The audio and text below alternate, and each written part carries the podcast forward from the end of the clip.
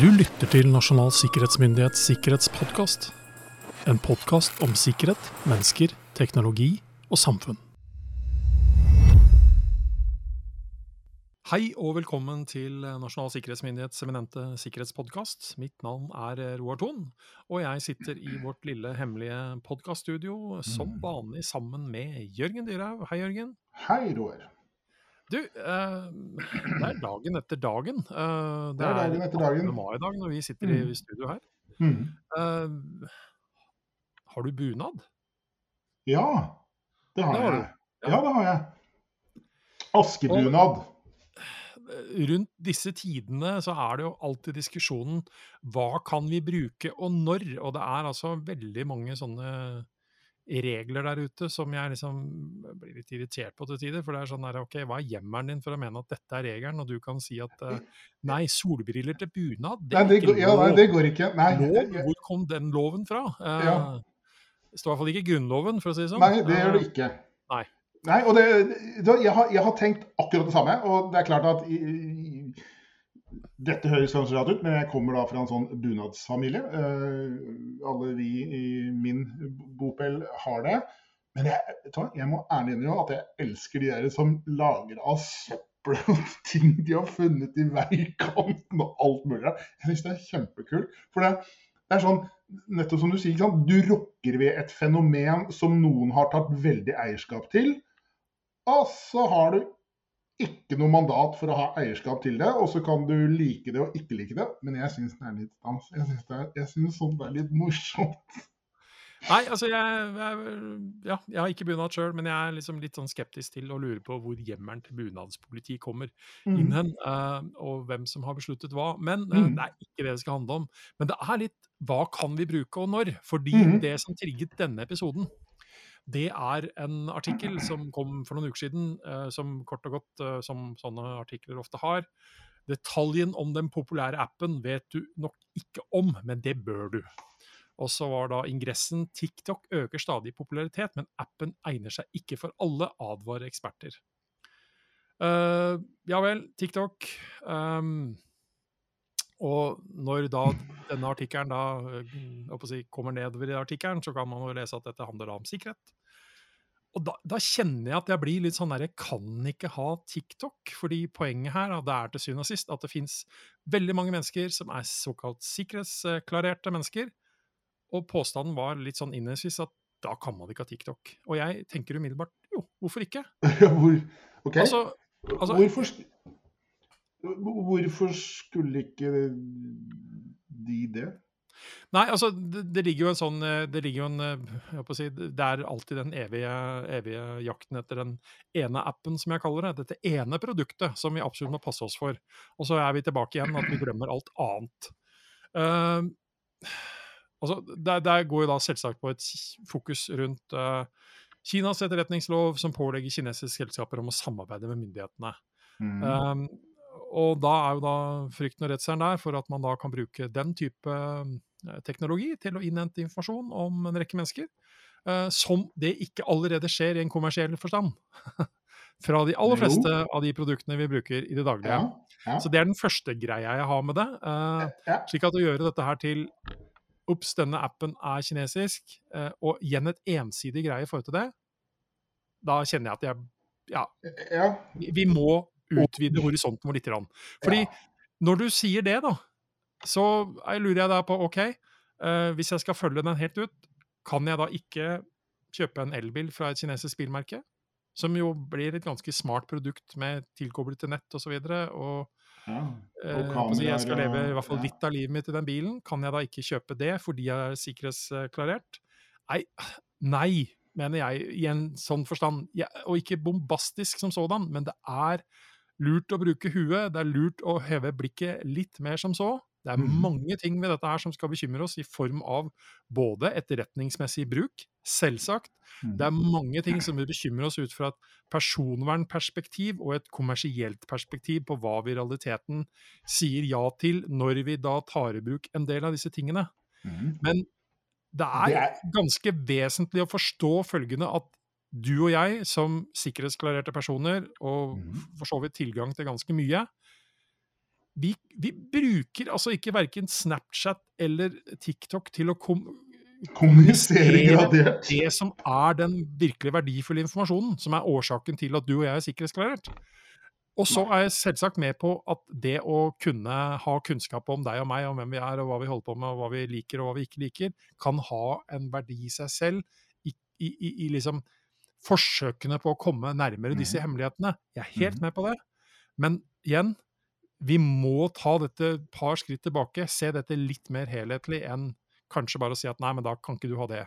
Eh, jeg har ikke TikTok, fordi jeg skjønner ikke helt hva jeg skal bruke det til. Punktum finale. Men jeg har det aller meste av det andre som i hvert fall Mhm. var inn en gang i tiden. Eh, så for å si det sånn, den eneste grunnen til at jeg ikke har TikTok, er at det kanskje jeg ikke Jeg føler meg ikke helt i målgruppa for TikTok. eh, så derfor så kan jeg kanskje ikke ha det. Um, men har vi Altså, vi har masse mennesker som må tenke oppsek, altså operasjonell sikkerhet, for seg selv Mm. og virksomheten sin 24-7. Eh, vi har Mhm. mennesker som mm. si, hvor det ikke er veldig smart å si verken hvor de jobber, eller, eller hva de driver med, eller hva de i realiteten heter. Uh, de må tenke enda et par hakk enn de aller fleste som også jobber i, med jobber og har sikkerhetsklarering osv. Begge parter må ha en bevissthet i forhold til det, men det er liksom litt nivåene på dette her. Mm. Og det, det, det er den derre bombastisiteten Ja. som jo aldri egentlig slutter å fascinere, egentlig. Um, og hvis man vil, så kan man jo greit betrakte internett, cyberspace og datamaskiner som si, verktøy vi bruker i vårt daglige liv. På, Ja. på lik linje med fryktelig mange andre verktøy. Det er eh, et redskap som brukes da i et arbeid for å, å si, fremskape et resultat uten selv liksom å bli brukt opp i prosessen. Det, vi har skuffer og skap fulle av dette. Eh, men sant, alle disse verktøyene må jo brukes med et minimum av kunnskap og kompetanse. Ja. Og det, I den fysiske verdenen så fremkommer dette liksom ganske åpenbart. Et, en sleiv er i mitt hode eh, et eksempel på kanskje noe av det enkleste verktøyet vi har i hjemmet. Men du, du må liksom skjønne at det er den breie enden du skal putte nedi det du skal røre. Og at ikke det er den enden du holder i, og at du bruker den smale enden til å røre. Det, det er kreativ, men kanskje uproduktiv bruk av, av, eh, av eh, sleiv. Eh, Og så har vi andre mer utfordrende uh, verktøy i våre private hjem. Kniv. Helt åpenbart. Strengt forbudt å gå med kniv på åpen gate i Norge, med mindre du da Ha bunad, eller? har bu Ja, det er, det er et unntak for folkedrakt.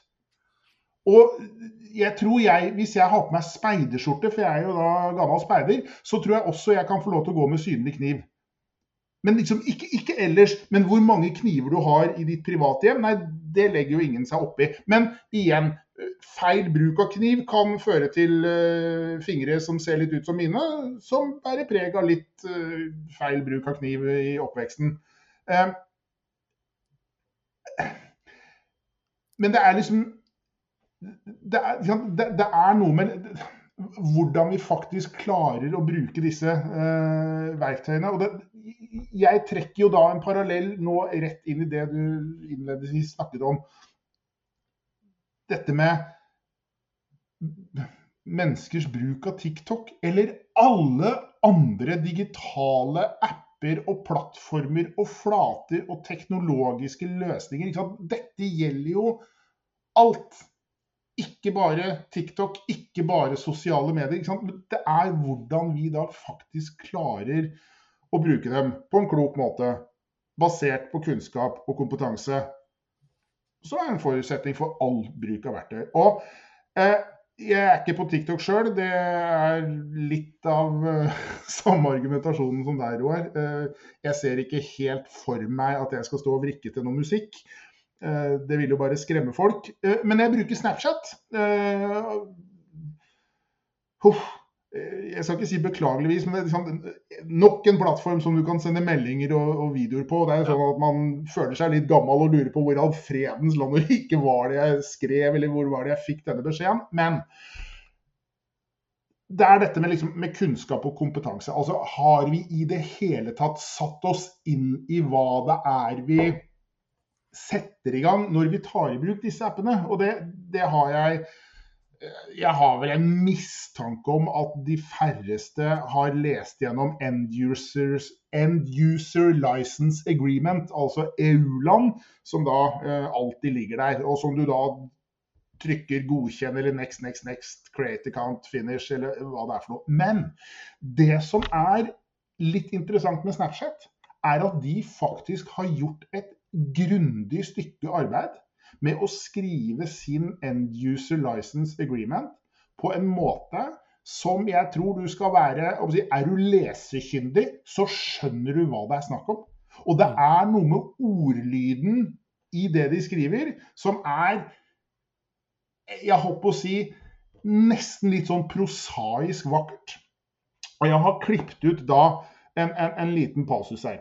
Uh, hvor de da skriver uh, liksom, om hva du faktisk setter i gang. Du vil naturligvis også gi oss tilgang til all informasjon du sender via våre tjenester som Snap og chat.